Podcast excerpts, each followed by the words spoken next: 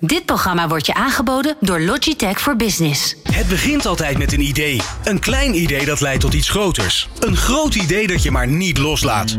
En dat gouden idee dat een sector op zijn grondvesten doet schudden. Dit is New Business Radio. Het radiostation dat verslag doet van bijzonder ondernemerschap. Ondernemende mensen, inspirerende gesprekken, innovaties en duurzaamheid. Dit is New Business Radio. Vertellen hun beste verhalen hier in Marketing Report. Het programma over media, data, marketing, communicatie en technologie. Elke derde dinsdag van de maand van half zeven tot acht. Dit is Marketing Report, een initiatief van Mediabureau Zicht en Media Meetings. Met vandaag Marjolein Meijden, zij is CMO van De Bijenkorf. Uh, verder hebben wij uh, Ries Bokken, hij is senior brandmanager Zamora Company bij Maxium. Pieter Kop, Head of Marketing Communications bij DAS. En tenslotte Birgit Zuurveld. Hij is Managing Director van Dorst en Lessen. En natuurlijk hebben wij René Zeedijk, de ziener van Zicht. Dit is Marketing Report. Marketing Report. Zicht op Media met René Zeedijk. René! Ja, Peter Wat is weer een fijne dag, hè? Oh, absoluut, zeker. Goed, man. Altijd een fijne dag om hier weer eh, aanwezig te zijn. Nou, dat vind ik En, ook. Ik ben eh, heel blij dat je er bent. Ja. Ehm, en nooit een, een seconde te laat. Gewoon lekker fris, eh, op tijd. Ja, tuurlijk. de Dan microfoon. beginnen we weer. Top. En eh, Waar gaan we het over hebben, René, vandaag? onder andere Field Lab. We hadden gisteren opeens een, een evenement. Ja, En eh, nou, daar kan je lekker. denk ik niet omheen als je gisteravond het journaal hebt gezien. En eh, dat is natuurlijk fantastisch eh, dat we wat weer kan. Maar dan denk je, hoe kan dat nou precies? Hoe zit dat nou? Nou, dat komt omdat Field Lab, eh, die de organisator is, een speciale eh, afspraken heeft gemaakt. Het is namelijk een, eh, een, een organisatie om eh, de komende acht evenementen te gaan testen. Helemaal verschillende evenementen om eh, te gaan kijken wat er nou precies gebeurt in coronatijd. Ja. Met als doel om dadelijk zo snel mogelijk weer terug te gaan naar een volledige operatie eh, voor evenementen. Dat is het, eh, dat is het idee. Nou, gisteren was dus de eerste in het Beatrix Theater. En gisteravond kon ik absoluut niet om het journaal heen en om Jinek heen, waar we steeds Pieter Lubbers tegenkwamen. Klopt. Die daar van Ja. alles over kon vertellen. En ja, dan, dan kan je maar één ding doen. Dat is proberen Pieter Lubbers ook hier in de uitzending te halen. En dat is gelukt. Yes! Pieter, goeieavond. Pieter, ben je daar? Ja, goedenavond. Ja, u, eh, ik wist niet dat je mijn nummer had, René. Ja, daar ben ik heel blij mee. Eh, met heel veel moeite ben ik eraan gekomen. En, eh, maar natuurlijk zijn wij wel benieuwd, Pieter, na gisteravond. eh, eh, hoe gaat het nu? En eh, ben je blij dat, eh, dat, dat jullie gestart zijn? Ja, nee, nee, zeker. Het is goed dat we, dat we de eerste pilot achter de rug hebben. We zijn Mhm. er al sinds, eh, nou, eigenlijk maart vorig jaar mee bezig. En eh, ik zelf sinds eh, juli 2020 eh, om toe te werken naar een oplossing om uiteindelijk met meer capaciteit, met bezoekerscapaciteit weer evenementen mogelijk te maken tijdens corona. Ja. Nou, we hebben daar lang aan moeten werken en ook eh, een hoop hobbels moeten overwinnen. Maar gisteren was het dan uiteindelijk de eerste van een reeks van acht. Gisteren was het zakelijk congres in het Beatrix Theater in Utrecht. Juist. En, en waar ik nou heel benieuwd naar ben, is er gaan er acht evenementen worden georganiseerd. Wanneer komen nou de eerste resultaten eh, eh, naar buiten over dit event van gisteren? Of, of ga je nou wachten tot alle acht events hebben plaatsgevonden? Nee, dat gaan we niet doen. Dan vinden we dat dat eh, te lang gaat, eh, gaat duren. Omdat we eigenlijk continu in gesprek moeten blijven met de overheid. De, de overheid is overigens partner van eh, Field Lab evenementen. Eh, en Field Lab is een, is een initiatief vanuit de sector en vanuit eh, de, de overheid. Eh, en we blijven continu in de dialoog om, eh, om te praten om, om de eerste resultaten die we straks gaan hebben, om die al eigenlijk bespreekbaar te maken en te kijken wat kunnen we daarmee. En eh, we hebben onze evenementenreeks inge- ingedeeld in vier type evenementen. Mhm. Gisteren was de eerste pilot voor wat wij dan noemen type 1. En zaterdag is eh, de, de tweede in, ook in dat type 1 eh, eh, segment. En daar was Mhm. een eh, theatervoorstelling van Guido Weijers. En die, van, als die zijn geweest gaan we al beginnen met eigenlijk de resultaten te analyseren van het type 1 evenement. En, en daar hebben we ongeveer drie weken voor nodig om onze eerste data geanalyseerd te hebben. Pieter, ik hoorde van. ik ben de naam van die man even kwijt. die, doet ook iets met, met virologie. Begreep ik. Die zag ik bij op denk eh, één. Andreas Vos, denk ik. Ja, Eh, die, dat is hoofdonderzoeker van, eh, die betrokken is bij het Field Lab programma. Correct. En die zei. twee maanden na het optreden van Guido Weijers. verwachten wij de eerste resultaten te kunnen overhandigen. aan, aan het kabinet, aan de overheid. Toen dacht er ik, zitten- dat is echt erg. Ja, dat is, dat, is, dat is lang. Maar er zitten verschillende trajecten eigenlijk in. Enerzijds is het analyseren van de eerste datagegevens. Mhm. En die gaan we uiteindelijk al gelijk bespreekbaar maken. Dat is nog niet wat we gaan, gaan publiceren. tegelijkertijd gaat er een, een traject van start waarin je eigenlijk met de overheid gaat praten over een OMT-advies. In combinatie met een, een kabinetsbesluit en met het schrijven van een ministeriële regeling. Dus er moet uiteindelijk, als er een resultaat is en het OMT geeft daar een advies over, waarbij bijvoorbeeld versoepelingen mogelijk zijn voor een bepaald type evenement. Dan zit daar ook nog een hele, zeg maar, een ambtelijk traject aan vast. Mhm. Waarin dat vastgelegd moet worden in, in de wet. Net zoals de pilot events, zoals we in deze vorm doen ook uh, een uitzondering zijn op de wet en daar ook een hele ministeriële regeling voor, uh, voor geschreven is. Dus, dus dat, er zit een ambtelijk traject aan vast. Uh, nou ja, dat is grappig dat je dat zegt, want uh, daar dacht ik direct aan een ambtelijk traject toen jij zei van ja, we zijn in dialoog met de overheid. Dat betekent, dialoog met de overheid betekent uh, dat alles lang duurt. Uh, jullie, uh, jij bent er al vanaf maart, of met elkaar in de branche vanaf maart mee bezig. jij zelf vanaf de zomer. en dan waren de eerste testresultaten, of de eerste testen zouden plaats hebben in januari. Dat werd opeens weer uitgesteld naar februari. Ehm, ben jij niet bang dat wij uiteindelijk pas als, dan praat ik even vanuit de evenementenbranche, uh, dat we pas vanaf, uh, nou ja, dat we eind van het jaar weer wat kunnen? Nee, dat, uh, die verwachting hè, heb ik niet. dat klopt dat dit gewoon een heel lastig en moeizaam en langzaam traject is. Dat, dat, heeft verschillende redenen. enerzijds zijn wij natuurlijk als, als ondernemers, als, als sector en als evenementensector gewoon gewend om heel snel te schakelen. en het probleem bij de hoort te pakken, met elkaar in overleg te gaan en daar een oplossing voor te bedenken. Mhm. De overheid werkt, ja, hoe je het ook bent of keert, net even wat anders. Uh, en hebben ook meerdere belangen af te wegen. Uh, ja, dat is soms heel frustrerend. Tegelijkertijd moeten we ook niet vergeten dat, uh, dat er wel wat aan de hand is in, in, in de wereld en in de maatschappij. Zeker. En daar zitten we op dit moment in de zwaarste lockdown sinds het begin van corona. Met een, nou, sinds vanmiddag volgens mij geen avondklok meer. Maar op dit moment voelt hij nog wel een beetje zo. Ja, maar we zitten ja. in de zwaarste lockdown die er is. En toch doen we deze pilot-evenementen. Ja. Dat betekent dat de overheid echt aan het kijken is samen met ons naar, naar een stuk toekomst. En, en, dat dat minder snel gaat dan wij gewend zijn, dat, dat klopt. Tegelijkertijd, het voorbereiden van een evenement duurt ook nog uh, maanden. Wij kunnen niet morgen of over twee weken of over een maand weer er staan met nee, volle met evenementen. Dus alle ja, projecten hebben heb... tijd nodig. Soms is dat frustrerend, dat klopt. Ja, ik heb begrepen dat jullie niet testen in de bioscoop, terwijl het toch een joekel van een uh, branche is. Is daar een speciale reden voor? Nee, in eerste instantie heeft de bioscoopbranche gezegd dat ze, dat ze niet per direct aan willen sluiten bij, bij Field Club. Uh, later hebben, we dat, uh, hebben ze dat wel aangegeven. Maar wij zien de bioscopen uh, echt onder type 1 evenementen vallen. Dus een theatervoorstelling, een zakelijk congres. Hm. Dat kan een klassiek, klassiek concert zijn.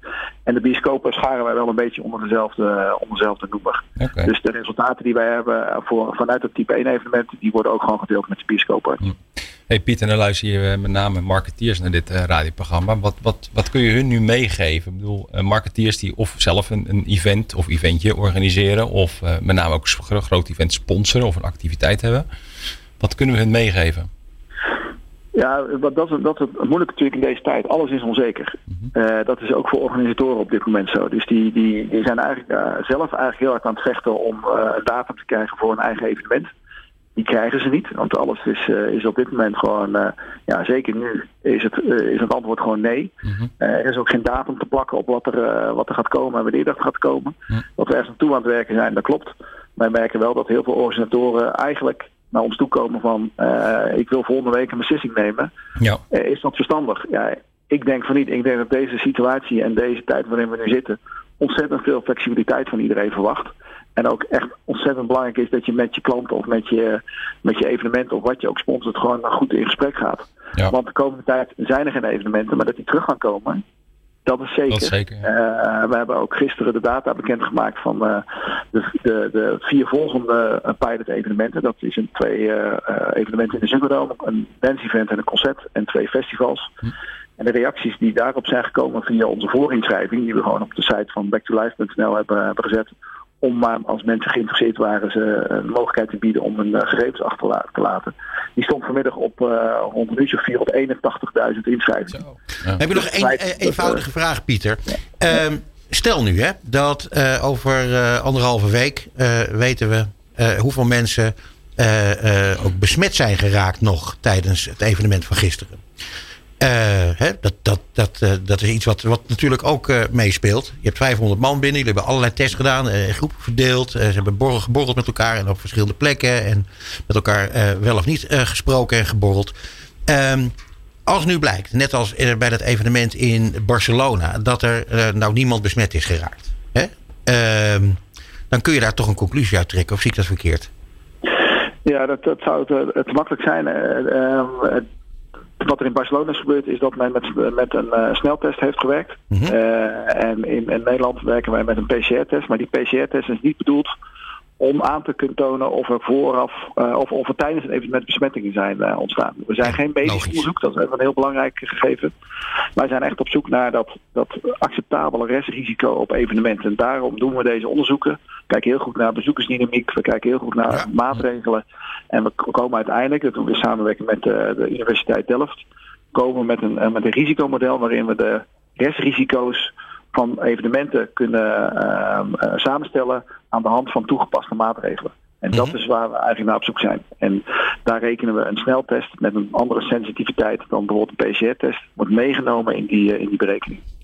Wij wachten met eh, enorm veel spanning af, kan ik je verzekeren. En ehm, wij wensen je enorm veel succes met al je eh collega's, eh, met alle test-events die er nog gaan komen. En we horen graag weer van jullie. Hartstikke goed, Dankjewel, dankjewel. Pieter. Doeg. Hoi. Hoi. Hoi, hè. hoi, hoi, hoi.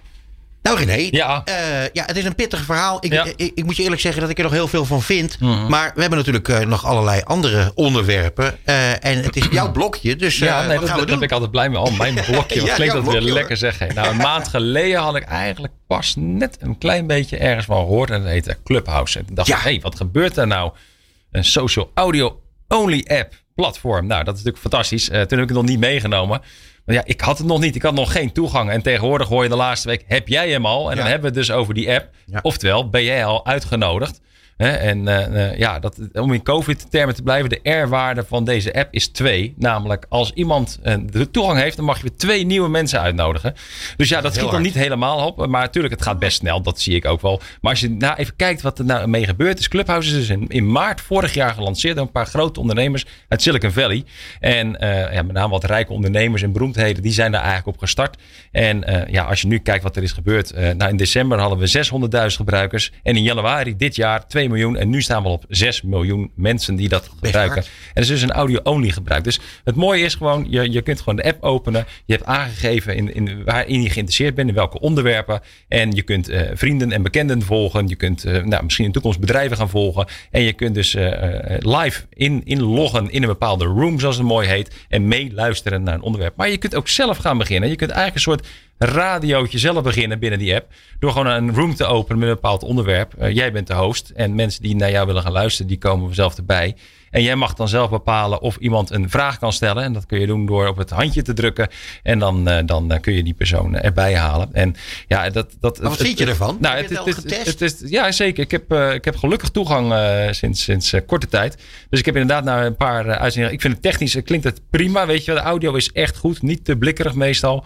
Het zijn echt heel verschillende events. Van, van vijf mensen tot aan, nou wat zag ik, 1100 of 2000 mensen die het, die het volgen.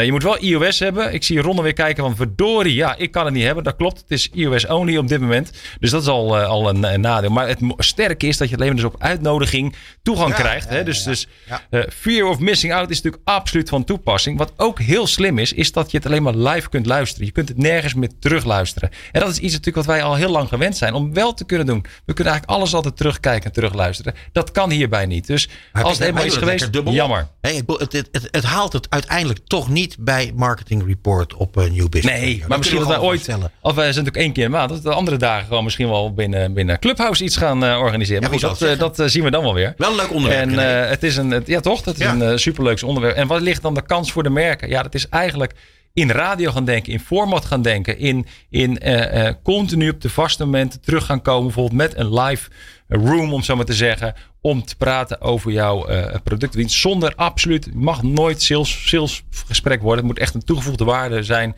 voor, eh, voor eh, de luisteraars natuurlijk. Ja. Die dan eh, mee gaan kijken. Dus ja, en, en natuurlijk het, het, het spannende is altijd dat het live gaat.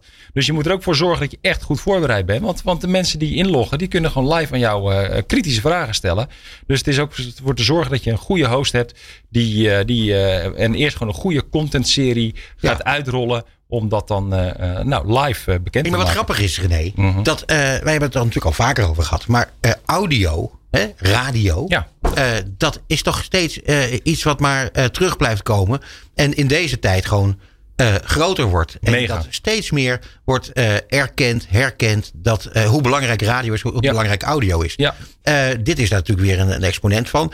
Eh, het is toch een hele grappige ontwikkeling eigenlijk. Want een aantal jaren geleden zijn er toch heel veel mensen geweest die hebben gezegd: van ja, het, eh, het is, eh, tv wordt groter en groter, radio verdwijnt. Nou, radio is nooit Mhm. Verdwenen. niet. Nee, nooit zeker verdwenen. De audio gaat zo hard. De vorige maand hadden we natuurlijk Storytel in de uitzending. Ja. Daar hoor je ook al natuurlijk over boeken gaat. Nou, de podcast weet je natuurlijk alles al van.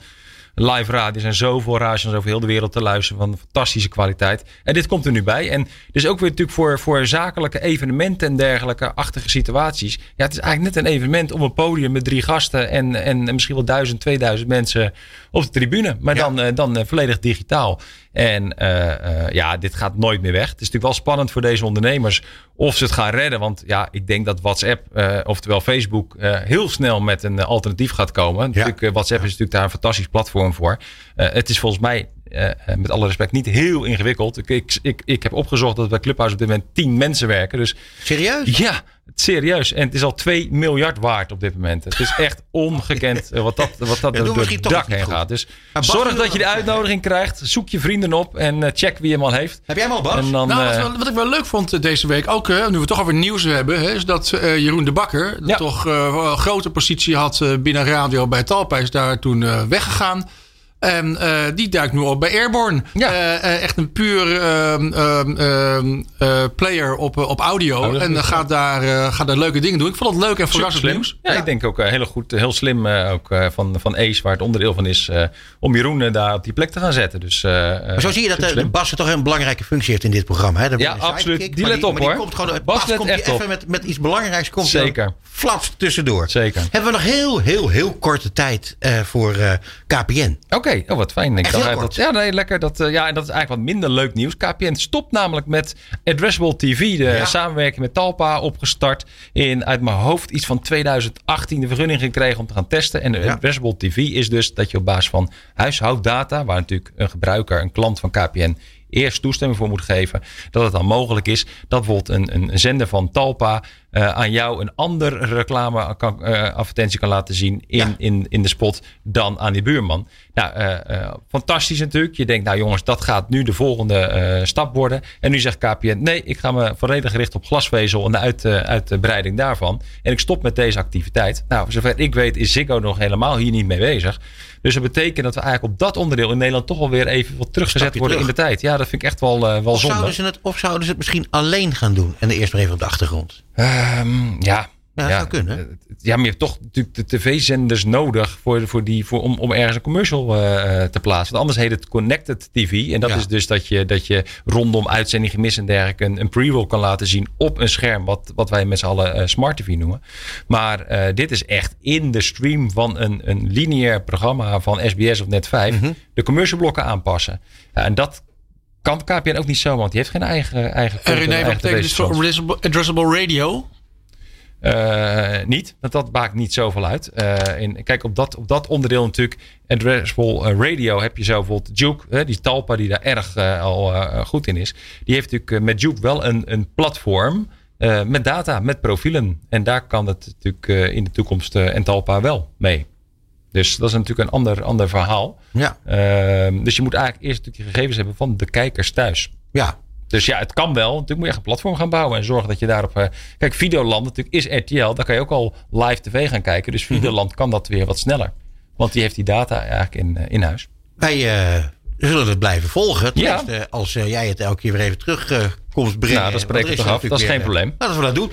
René, ontzettend bedankt weer, jongen. Dat je er weer was. Dat je Heel zulke graag. fantastische onderwerpen hebt meegebracht. En, eh, en ook nog een keer een radiogast. Dus het was eh, te gek. En heel Mooi. graag ja, tot eh, volgende maand. Tot in maart. Dit is Marketing Report op Nieuw Business Radio.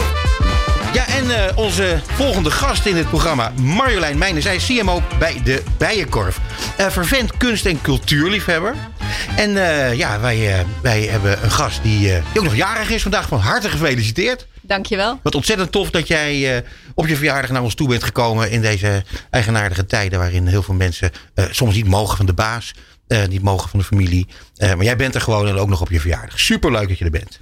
Nou, leuk om er te zijn. Ik wil er iets leuks van maken. Dus, ja. Uh... Nou ja, ik, ben ook, ik hoop dat je, dat je dan achteraf ook denkt van nou, dit was iets leuks.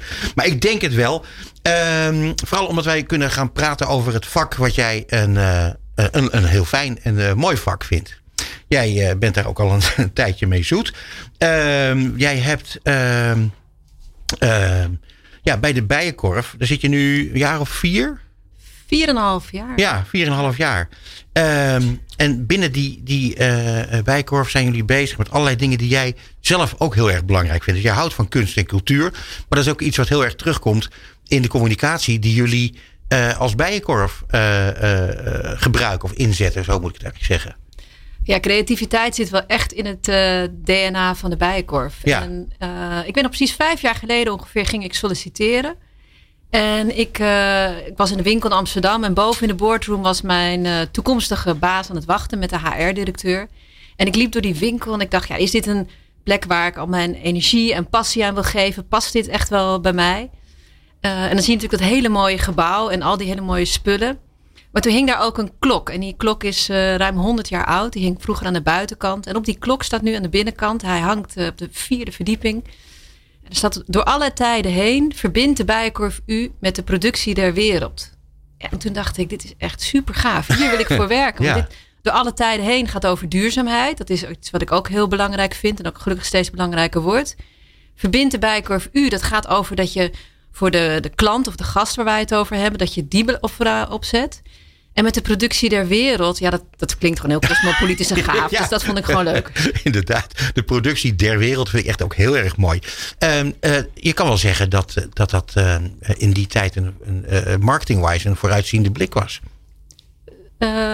van, van de Bijkorf 100 jaar geleden. Ja. Zeker, ik denk dat daarom ook 150 jaar bestaan. Omdat ze gewoon ja, altijd, zeg maar, wel vanuit die principe, creativiteit, mensen binden en boeien. Uh, innovatie uh, en nu dus ook duurzaamheid. Mm -hmm. Maar dat steeds wel weer in een nieuw jasje. Kijk, de productie der wereld is nu heel toegankelijk voor iedereen. Ja. Dus daar kan je niet meer het verschil in maken. Want je kan via marketplaces van all over the world producten halen.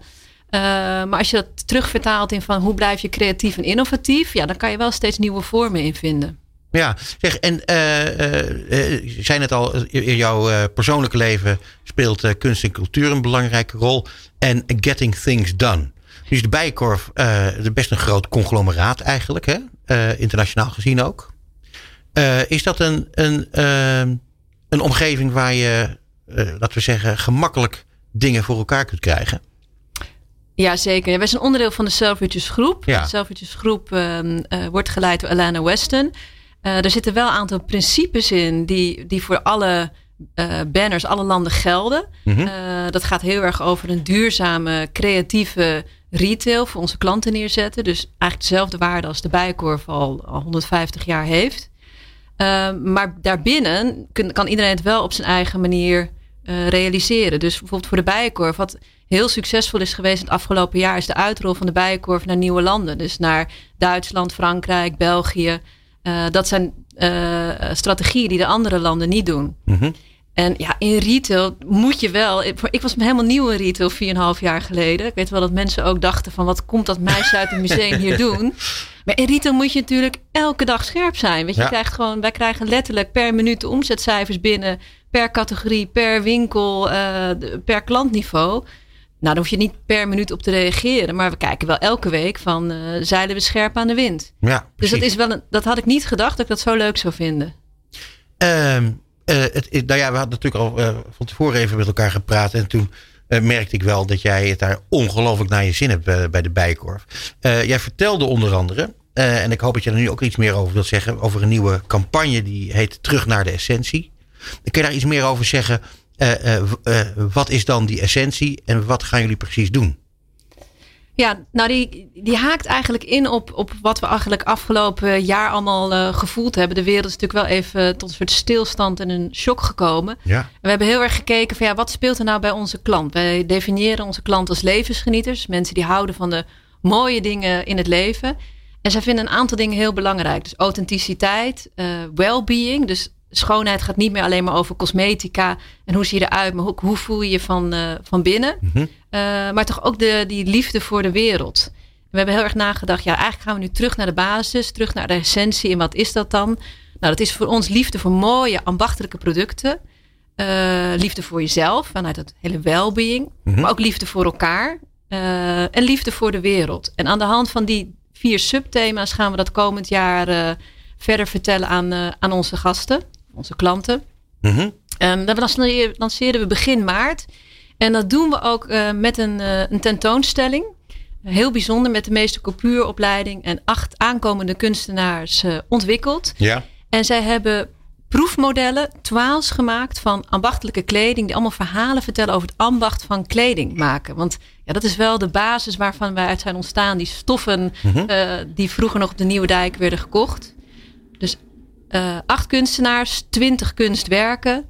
En dan thema's zoals de tijd, uh, het onvolmaakte lichaam, feestkleding.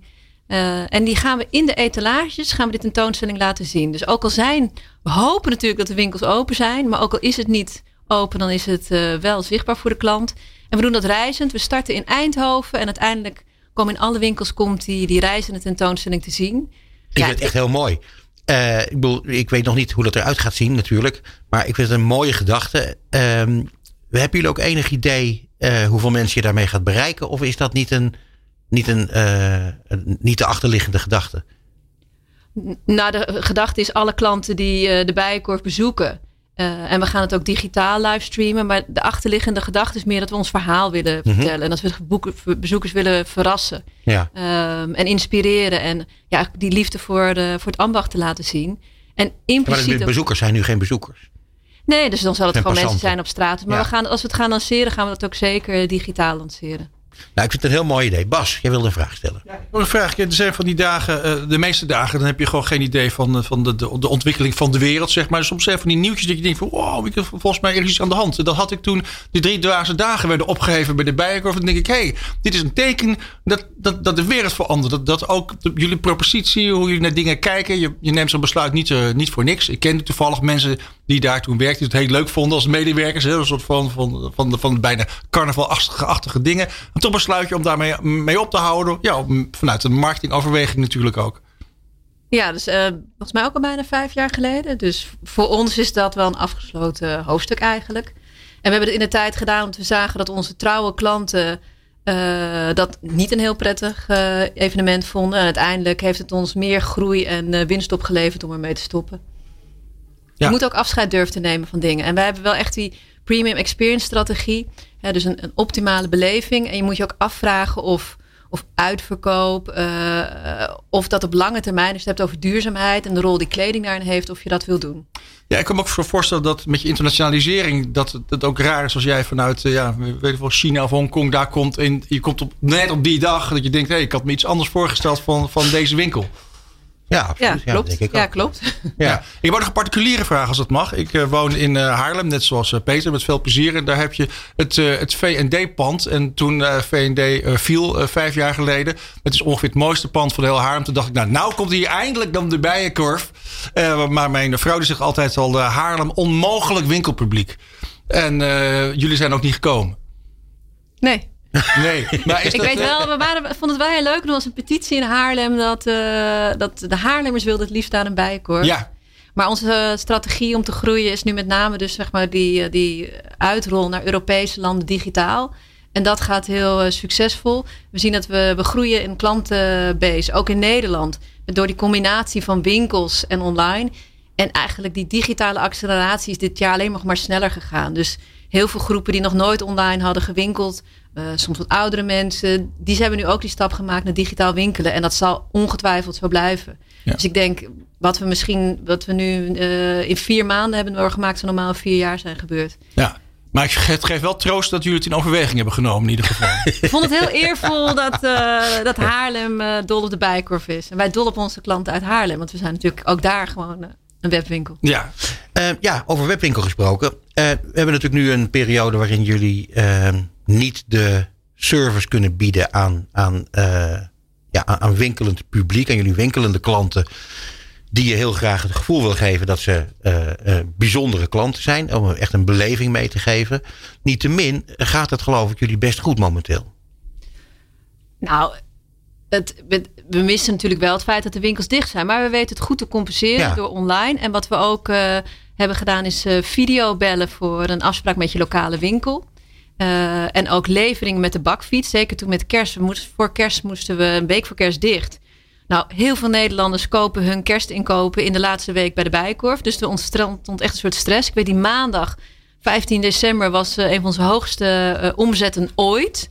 Oh. Um, ja, omdat mensen nog heel veel uh, cadeautjes moesten kopen. En toen hebben we eigenlijk binnen drie dagen hebben we de mogelijkheid ingesteld dat mensen bij hun lokale De Bijenkorf de bestelling konden plaatsen. En wij het dan met een bakfiets zijn gaan leveren. Omdat er natuurlijk ook al die postbedrijven, die waren ook helemaal over. Ja, die over, ja, ja, zeker. En dat heeft ons ook wel weer tot nieuwe inzichten gebracht. We kwamen er eigenlijk achter dat uh, een heel groot deel van onze klanten binnen 10 kilometer van de winkel uh, woont. Dus je denkt, nou de Bijkorf, daar komen mensen uit heel Nederland. Dat klopt ook.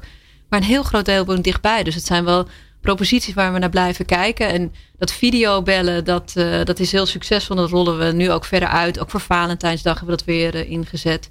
En dat persoon, je ziet dus wel dat dat persoonlijke contact echt heel uh, belangrijk is voor ja. klanten. Dus die klanten die voelden zich even goed toch bijzonder. Ook nu, nu ze online bij jullie winkelen. Zeker, dat is ook wel onze missie. We, onze missie is zeg maar het meest creatieve, inspirerende en duurzame warenhuis. Dat hebben we net toegevoegd, waar iedereen zich bijzonder kan voelen.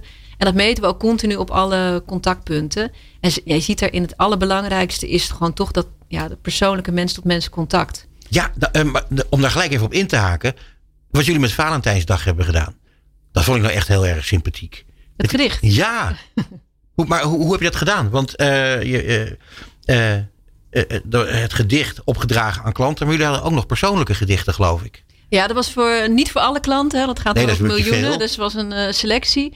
Dus Marjolein van Heemstra, dus de schrijfster, had een heel mooi gedicht gemaakt voor onze klanten. Dat hing in alle etalages. Uh, en was ook zichtbaar. We hebben het ook op een video uh, uitgezonden. En onze members die konden dan een aanvraag doen voor een persoonlijk gedicht die ze aan iemand wilden sturen. Ja, dat was echt. we hadden niet verwacht dat dat zo populair zou ja. zijn. En dan zie je dat je soms helemaal niet heel ingewikkeld moet doen, maar gewoon mooie dingen. Weet je, echte schoonheid en creativiteit en aandacht, ook van zo'n klant aan iemand anders. Dat is toch wat het verschil maakt. Ja, maar dan zit jij toch op een hele lekkere plek eigenlijk, Marjolein om, om, dit soort, ja, om dit soort dingen allemaal te kunnen doen. Maar ook dat klaarblijkelijk uh, uh, je er de, de, ruimte voor krijgt en dat mensen het op prijs stellen. Uh, het verschil maken, dat is van belang. hoe doe je dat met je eigen mensen? Want de, in die zin is het natuurlijk nu ook een beetje een moeilijke tijd met iedereen die bij jullie werkt, in de winkels bijvoorbeeld. ja, die, die, die kunnen zichzelf nu ook niet bijzonder voelen, lijkt me. Nee, dat is heel uitdagend. Ook voor mijn, mijn eigen team, creative en marketing. Het is natuurlijk helemaal niet leuk eh, als je... Je werkt bij de Bijenkorf omdat je van twee dingen houdt. Je houdt van mensen en van mooie spullen. Mm -hmm. Nou, dan zit je thuis uh, op je zolderkamer... Uh, in het slechte geval nog in je, in je joggingbroek. Dus dat is niet iets waar wij gelukkig van worden. Nee. Wat we dan uh, doen is uh, sessies organiseren. Dus we hebben net een maandje geleden een online inspiratiedag uh, georganiseerd. En hadden we ook echt als doelstelling er mochten top 400 aan meedoen. Die moeten zich ook echt bijzonder voelen. Dus we hebben een mooi pakketje van tevoren gestuurd. Inspirerende verhalen. Echt met dat als doel. En dat gaan we nu ook verder uitrollen. We organiseren digitale trend summits, zodat ze weten wat er blijft spelen. We hebben een programma Samen Fit en Fun vanuit HR opgezet. Waarbij we uh, digitale ontmoetingsplekken neerzetten. Ook vanwege die behoefte om elkaar gewoon te spreken. Uh, maar ook iets met yoga en wandelen. Dus op die manier wil je wel de verbinding blijven aangaan met elkaar. Mm -hmm. um, en Inkoop heeft digitaal alle nieuwe collecties gepresenteerd. Dus jullie zijn er eigenlijk gewoon helemaal klaar voor om weer open te gaan? Nou, morgen het liefst, maar ik vrees dat ik nog even moet wachten. Hey, en dan nog even terug naar uh, data. Daar heb je al wat dingetjes over gezegd. Uh, jullie jullie uh, verzamelen veel data. Jullie weten veel van je klanten, zodat je ze goed kunt bedienen. Ehm, wat kun je daarover zeggen over, over de, de, de data, hoe jullie die inzetten en Wat gebeurt met conversie? heb je, wat, wat zijn de ervaringen die jullie hebben met data? Ja, wij, wij combineren data wel altijd met creativiteit. Dus mijn mhm. visie is, zeg maar, de marketeer van de toekomst moet echt een soort Leonardo da Vinci zijn. En een kunstenaar. Dus Leonardo da Vinci was ook heel empirisch bezig. Met heel veel onderzoek, maar was ook heel erg bezig met verbeeldingskracht en met scheppen en met schoonheid. Dus die twee aspecten moeten wel heel erg in balans zijn. En wat wij heel belangrijk vinden, is de klant ook die, de persoonlijke ervaring die je ook hebt als je naar een winkel gaat, als het goed is, dat je die ook online krijgt. Er moet eigenlijk geen verschil zijn. Dus nu bijvoorbeeld, uh, nu de winkels dicht zijn, zijn ook collega's van e-commerce en IT zijn nu sessies aan het doen in de winkel van hey, hoe doen jullie dat nou? Hoe geven jullie nou advies? En als er dan een klacht wordt, hoe doe je dat dan? Hoe kunnen we datzelfde gevoel vertalen? Uh, onze uh, digital design lead heeft de hele site op navigatie doorgelopen. Hoe krijg ik nou datzelfde gevoel als je de winkel bij wijze van spreken Rotterdam binnenloopt, dat je datzelfde gevoel ervaart als, als gast als je de site binnenloopt. Uh, resumerend kunnen we dan vaststellen dat jullie deze tijd, deze periode optimaal hebben gebruikt om eigenlijk straks veel sterker te kunnen starten weer. Nou, dat is wel de bedoeling. En ik, ik ben zelf wel super trots op mijn team. Want als ik zie wat zij afgelopen jaar hebben gepresteerd. En je hebt natuurlijk allerlei uh, verkoopdoelstellingen. Nou, dat, dat is natuurlijk evident dat we die niet hebben gehaald. Maar alle marketingdoelstellingen hebben we wel gehaald. Dus we hebben meer klanten, loyalere klanten. Uh, duurzaamheid staat meer op de voorgrond. Aan de klantbeleving wordt gewerkt. Ja, en dat is dan weet je, het voordeel van dat hele efficiënte teams. Is dat je dan toch effectiever met elkaar samenwerkt. En ook meer misschien vanuit de analyse, die ook heel belangrijk is. Absoluut. Ik, uh, of ik zo zeggen, wij wensen jullie uh, ja, dat eh, alles weer heel snel open mag gaan. Uh, dat wensen we onszelf trouwens ook. Uh, en wij, uh, ja, wij, wij, wij gaan in de rij staan om, om die eerste dag mee te maken, hè Bas? Ja, zeker. Gaan mooie spulletjes kopen. Ja. En we hopen je dan ook snel weer te zien. Heel erg veel dank voor je komst naar onze studio. Ja, het kan ook zijn dat we iets bestellen en dat dan bijvoorbeeld bij iemand met een bakfiets laten bezorgen. met iemand met een mooi bijkorf pak aan. Dat vind ik ook heel leuk. Zou ik wel een paar euro extra voor willen betalen. Ja, goed om te horen, maar ik vind het ook heel leuk om jou zelf in onze winkel te mogen ontvangen.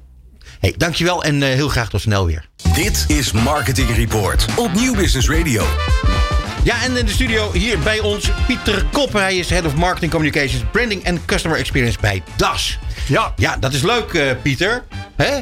Zeker. Nou ja, ik zei tegen jou uh, dat, ik, dat ik het eigenlijk een, een soort van apart vind omdat je bij DAS, ook al is het een heel groot en bekend merk. Hè, je weet rechtsbijstand en zo. Dan denk je niet zo snel aan marketing op de een of andere manier. maar, maar ja, maar dat, dat, uh, dat is natuurlijk wel degelijk aan de orde. Hey, um, we weten van DAS dat, uh, dat dat een rechtsbijstandsverzekering is. Een verzekeringsmaatschappij in die zin eigenlijk. Maar uh, het is allemaal veel breder geworden. wat doet de hoofdmarketingcommunicatie bij DAS? Nou, in ieder geval bedankt dat ik, uh, dat ik hier kan zijn. Erg leuk. Ja, natuurlijk man. Uh, dank jullie wel. Ja, DAS is eigenlijk bekend in Nederland als een, een grote rechtsbijstandverzekeraar. We zijn ja, eigenlijk een grote partij. met 800 juristen, 70 advocaten in dienst. En ja, die mensen die, die lossen eigenlijk dagelijks juridische problemen op voor, voor zowel consumenten als, als ondernemers. Mm maar ja, het mooiste is natuurlijk als je, als je gewoon een brede groep klanten hebt die, je, die je daarmee kunt helpen. Nou, dan heb je als marketeer natuurlijk een, eh, een opdracht om het merk goed neer te zetten. Te zorgen dat mensen dat kennen. Ehm, ja, en dat is voor mij een, een belangrijk deel van mijn taak. Te zorgen dat mensen DAS kennen als een betrouwbaar merk waar de deskundige mensen zitten. En, uh, en die je kunnen helpen bij, uh, bij juridische zaken. Ja, jullie zijn marktleider. Uh, en jullie bestaan al sinds 1963 geloof ik. 1963 in Nederland. Ongelooflijk. Ja. Uh, dus dat gaat, uh, dat gaat hartstikke goed. Ehm, jullie zijn naast die, die, verzekeraar, zijn jullie inmiddels zo veel meer geworden. Ehm, ik, ik wist eerlijk gezegd niet, maar daar ben je heel hard mee bezig om ervoor te zorgen dat mensen dat allemaal wel gaan weten. Maar dat jullie eigenlijk van, van een rechtsbijstandsverzekeraar meer een, een juridische dienstverlener zijn geworden. Uh, dat jullie zelfs, uh, dat jij zelfs voor, voor, voor uh, ja, juridisch advies terecht kunt. gratis advies bijvoorbeeld. Ja. Ehm, ik moet je zeggen, dat vind ik wel een, een hele bijzondere propositie. Hoe, hoe, hoe, hoe werkt dat? Nou, als, als, kijk, je hebt verschillende mensen natuurlijk. Er zijn, er zijn mensen die, die graag de zekerheid hebben van een verzekering. Mhm. dan, dat je ons altijd kunt bellen voor, voor elk soort van probleem, maar dat, tegen een vaste prijs. En je weet van tevoren, dat is per maand of per jaar betaal je daar gewoon je verzekeringspremie voor. Mhm. Er zijn echter ook een hele grote groeiende groep van mensen die gewoon het ja, eigenlijk willen, willen betalen voor het moment dat ze een, een probleem hebben. Ja. Of liefst nog dat ze het willen voorkomen. Ehm, nou, daar spelen we eigenlijk op in. Mensen willen toegang hebben tot expertise. Mensen willen een gesprek hebben van een half uur. Daar kun je gewoon voor betalen. Mhm. Eh, je kunt bij ons ook een aantal documenten gewoon downloaden in onze, in onze webshop. Mhm. betekent dat mensen die wat willen weten over een algemene voorwaarden. Of mensen die een webshop willen beginnen bijvoorbeeld. Wat er allemaal bij komt kijken aan juridische zaken.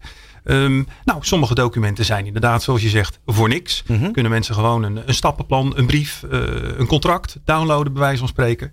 Maar als je die nou heel specifiek op jouw situatie wil, eh, wil toepassen, dan, eh, dan heb je echt wel juridisch advies nodig om hem daartoe eh, Nee, akkoord. te- Ja. te tunen. Pieter, Ja. Een half uurtje, wat kost dat? Ehm, nou, dat zal een paar tientjes zijn. Oh, serieus? Ja hoor. Ja. Ja, ik vind dat, ik vind dat, ja, maar dat is een, Nou, dat is een ideaal interessante, interessante propositie. Ja, maar goed, dat is dus, dus jij hebt een, een, een, eh, een hele mooie, schone taak, Pieter. Om dit eh, wereldkundig te maken. En dat, eh, ik geloof ook dat, dat, dat het goed gaat. Wij waren daar nog niet helemaal van op de hoogte. Maar dat, dat zou ook best wel eens aan ons kunnen liggen. Ehm, eh, hoe, hoe gaat dit allemaal in zijn werk? Want, want jullie, wat ik al zei, zijn van een verzekeringsbedrijf eigenlijk nu veel meer dienstverlenend geworden. Die die dienstverlening is heel breed. Ja. Ehm, eh, hoe, hoe maak je dit kenbaar aan iedereen? Kijk, ehm, het belangrijkste om, eh, om- mensen natuurlijk eh, het vertrouwen in DAS te geven als zijnde een goede eh, partij. eh, betekent ook dat je, dat je massamedia in moet zetten. We zijn er voor, eh, eh, voor iedereen. Betekent dat we het recht toegankelijk willen maken voor iedereen. Dus ehm, we hebben een gelaagde campagne, eh, zeg maar. Een, Mhm. een, een, een, Crossmediaal? een, eh, precies, een crossmediale aanpak. We zitten op radio, we zitten op tv, we doen veel online. Belangrijk is ook eh, storytelling, een mooi modewoord, maar eh, uiteindelijk is het een hele goede methode om ehm, verdieping aan te brengen in wat je doet. Ja. Dus met andere woorden, we pakken zaken uit de praktijk. ehm, die herschrijven we als, als content. En uiteindelijk zorgen we daarmee dat mensen echt begrijpen: oké, dit is een eh, juridische hulp waar ik, eh, waarvoor ik bij DAS terecht kan. En anderzijds eh, geeft het ook aan hoe we daarmee omgaan. Mhm. het is, DAS is een groot bedrijf. Aan de andere kant is het ook, ja, je hebt te maken met één jurist of één advocaat die je helpt bij jouw specifieke probleem. Ja. Betekent ook dat ze doorvragen, dat ze willen weten wat is nou het probleem achter de vraag die je stelt. Ja. En daarmee krijgt eigenlijk elke juridische vraag een eigen gezicht. Nou, ehm, dat is eigenlijk wat ik ook wel aan eh, over willen brengen in, eh, in, in onze campagne, in onze communicatie. Zorgen dat, eh, dat mensen snappen, één, waar we voor staan. Mhm. Twee, dat ze begrijpen, oké, voor juridische hulp kun je naar DAS. En drie, er zitten een aantal ja, specialisten, mensen van vlees en bloed, die je kunnen helpen bij, bij de vragen die je hebt. Is het nou zo, want kijk, eh, ik ken aardig wat advocaten toevallig. En ehm, eh, als je dan een probleem hebt, dan is het prettig om te weten eh, met wie je te maken hebt. Eh, tenminste, dat vind ik prettig. Ehm, dan is het ook nog een keer zo dat je dan kunt vragen van ja, wie heeft nou het meeste verstand van wat? Ehm, hoe, is, dat een, is dat bij jullie een probleem dat je, dat je eh, eigenlijk dan ja, eigenlijk een hele algemene propositie hebt? Uiteindelijk zijn, zijn dat in de eerste instantie eh, mensen zonder gezicht, of niet? Mm, nou, in een campagne kiezen we ervoor om die gezichten ook bewust te laten zien. Mhm. Dus als wij zeggen vraag de DAS, dan zie je ook echt een aantal mensen van DAS. zijn ja. geen modellen. We laten echt de medewerkers van DAS zien. Zijn ook mensen die je daadwerkelijk aan de telefoon kunt krijgen. Mhm. Maar het belangrijkste is als we, hè, we, zijn, eh, we zijn specialist en we hebben ehm 40 rechtsgebieden waarin we kunnen adviseren. Dus dat is best veel. Zeker. Ehm, betekent dat we in eerste instantie bij, als je ons zou bellen, uitvragen wat voor rechtsgebied nou eigenlijk, hè, wat voor probleem dat nou precies is. Gaat het over ontslag? Gaat het over een burenruzie? Gaat het over echtscheiding of, eh, of iets over je bedrijfspand? Zodanig dat we de juiste koppeling kunnen maken qua expertise. Ja. Vervolgens is het zo dat ja, uiteindelijk ook eh, de klikker moet zijn tussen degene die je helpt. Ja, dat bedoel ik jurist, eigenlijk, ja. En eh, de klant die belt. Als dat onverhoopt niet zo zou zijn, dan is dat natuurlijk iets wat van twee kanten kan komen. En dat kun je ook gewoon melden. Zorgen wij dat je iemand anders krijgt op je zaak. Want maar ontmoeten ze elkaar ook of niet? Of is het alleen maar telefonisch? Dat kan. Ehm, er zijn mogelijkheden natuurlijk gewoon. In deze coronatijd is het allemaal iets anders. Hè? Werken we natuurlijk op een andere wijze. Maar stel dat dat er niet zou zijn. Dan kun je gewoon op een aantal kantoren in Nederland terecht. Hè? Dus waar je ook in Nederland woont. Je kunt, uh, je kunt zeker op een van onze kantoren fysiek terecht voor een gesprek. Face-to-face. Mhm. Eh, en voor de rest hebben we natuurlijk alle moderne middelen van uh, de, die, die de digitaliteit biedt. hebben we tot onze beschikking. Ik vond het grappig, je had het net over storytelling. En ehm, jullie gaan een samenwerking aan met Telegraaf. Dat klopt. Vertel daar eens wat meer over. Dat vind ik een, een, een interessant verhaal. Want dat, dat heeft toch met elkaar te maken. Dat, dat, dat storytelling is vanuit komt daar vandaan eigenlijk. Ja, dat is juist. Ehm, kijk, het punt is dat je eh, met online en radio, tv, uh, dat soort media, heb je relatief maar kort contact. De manier mhm. waarop we campagne voeren is natuurlijk, je koopt reclametijd in en heb je eigenlijk maar kort contact om je boodschap over te brengen. Het is vaak te, te doen om, uh, om merkbekendheid te creëren, de naamsbekendheid. Wat we willen doen met, met de samenwerking met de Telegraaf is, um, dat heet recht uit de praktijk gaan we het noemen. Dat zijn verhalen die, nou eigenlijk cases die echt gebeurd zijn. Mm die we opgelost hebben voor klanten.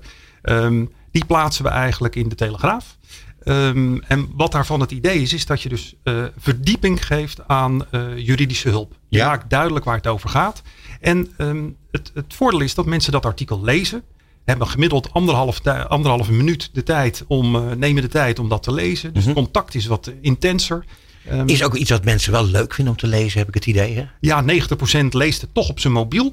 Dus uh, dat is ook wat er gebeurt. Mm -hmm. uh, nou, en als je dan uh, daardoor aangezet wordt, of je kent iemand die misschien in eenzelfde soort situatie zit, ja, dan is het mogelijk om uiteindelijk te zeggen: van, Nou, ik, ik heb daar een goed gevoel bij bedas. Daar, daar kunnen we. Ja, slim idee. Ja. Maar dan vraag ik me één, ding nog wel af. Ehm, kijk, jullie zijn dan nu in zee gegaan met Mediahuis, Telegraaf.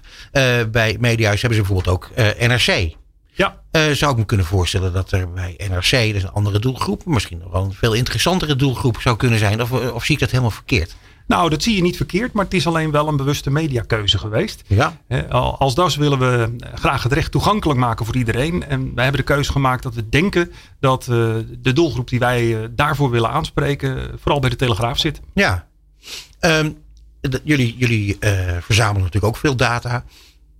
Um, blijkt dat dan ook uit, uh, uit die data dat Telegraaf de juiste keuze is? Nou, dat moet nog blijken, want we gaan natuurlijk nu starten. We hebben wel in, in het verleden. Je hebt wel een beetje profiel van je, van je klanten. Hè? Ja. Kijk, we, we mag je er niks over zeggen? Nou, daar mag ik wel wat over zeggen. Maar ik, ik heb wel zoiets van, nou, ik kan nu verkondigen dat de Telegraaf de gouden keuze is. Oké. Okay. Maar uh, ik wil daar ja. nog even overtuigd nee, van worden. oké, okay, tuurlijk. Dus, dus in die zin zijn we uh, natuurlijk met goede, uh, met, met goede, op een goede manier het gesprek ingegaan met de Telegraaf. We denken ook dat ze een, een behoorlijk bereik hebben in zowel de consumenten als de ondernemende doelgroep. Um, uh, eerlijkheid gebied te zeggen dat we dit een aantal jaren geleden op een gelijkwaardige manier ook met het AD hebben gedaan. Mm -hmm. um, nou, en dat was gewoon een groot succes. Dus we hebben nu gekozen om dat met een ander platform, hè, de Telegraaf, uh, nieuw leven in te blazen. Ja, het is wel interessant. Uh, wanneer gaan jullie daarmee starten? Dat zal 9 maart publiceren we het eerste artikel. Leuk zeg. Ja. Nou, ik moet je zeggen dat ik, uh, ik, ga, het, uh, ik ga het volgen. Want ik, ik vind het uh, heel interessant. Het deed me denken aan, en nu weet ik opeens ook hoe het heette, recht voor zijn raap. Hè, weet je nog? ja. Ja, dat, ja. Was, dat was eigenlijk een beetje hetzelfde, toch? Of niet? Nou, dat klopt. Dus eigenlijk ver voor mijn tijd geweest, maar het is wel een, eenzelfde soort idee. Ja. ja. Ja, Bas, vertel. Nou, ik, uh, wat mij altijd opvalt, en heel veel mensen opvalt, is dat heel veel dingen komen uit Amerika. En heel veel dingen uh, gebeuren daar ook eerst. En er komt ook de uh, soort van de collectieve juridisering van de maatschappij, komt ook uit Amerika. Betekent ook dat jullie ook nu steeds meer werk krijgen? Nu steeds meer dingen een juridisch kantje krijgen? ja en nee. Want we moeten natuurlijk zorgen dat in de huidige tijd mensen ook gewoon ja, in die zin, uh, die willen graag zelf de antwoorden vinden, de informatie vinden. Uh, en daar helpen we ze bij. Dus in die zin is dat ook nou net de beweging die we willen maken van rechtsbijstandverzekeraar naar juridische dienstverlener. Eh, normaal zou je zeggen, een verzekering, dat is duidelijk. een juridische dienstverlener zorgt ervoor dat iedereen eigenlijk at the tips of his fingers kan zorgen voor de, nou ik vind de informatie, ik vind de antwoorden en ik heb contact met een, met een expert. Uh, en precies die keuze, ja, die laten, we, die laten we natuurlijk aan de klant. Dat betekent dat, dat mediation ook veel vaker aan de orde zal komen, denk ik. Mediation is voor, voor veel mensen een goede oplossing. Ja. dan sta je natuurlijk minder vechtend tegenover elkaar. Uh, en daar waar financiën en emoties bij elkaar komen, is dat altijd een spannend speelveld. Tuurlijk. Uh, maar voor sommige mensen is het gewoon duidelijk. Uh, er wordt niet meer gesproken met de andere partij. Wat je ook wil zeggen als, als, als DAS. Hè, dan, dan moet je gewoon gaan voor, voor het beste resultaat. Ja. En dat kan soms met mediation zijn, maar soms moet dat ook gewoon via de rechtbank. Ja, duidelijk. Um, uh, jullie hebben nu dat hele nieuwe systeem met uh, DAS on demand, laten we zeggen. Hè? Dat je, je kunt uh, op allerlei mogelijke manieren bij jullie terecht voor, voor, voor juridische services. Ja. wat ik me dan wel afvraag, als je al sinds 1963 succesvol bent in het verkopen van verzekeringen op juridisch gebied, is dan DAS on demand een goed businessmodel gebleken? Of moet dat nog blijken? Nou, dat moet nog blijken. Oké. Um, Kijk, in de huidige tijd hebben mensen, de nieuwe generatie, die heeft liever toegang mm-hmm. tot, uh, tot services en informatie dan dat ze het bezit daarvan dagelijks hebben. En daar zie je precies het verschil tussen een verzekeraar en een dienstverlener.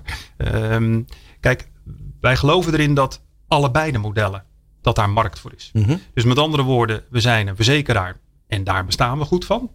Aan de andere kant hebben we uh, nou ja, nu de behoefte om die doelgroep uit te breiden. Want als marktleider moet je dat ook wel op een gegeven moment doen. Moet je nieuwe services aanbieden. En zeggen we nu van nou, um, we gaan met een documentenshop. We gaan met uh, een jurist voor een half uur.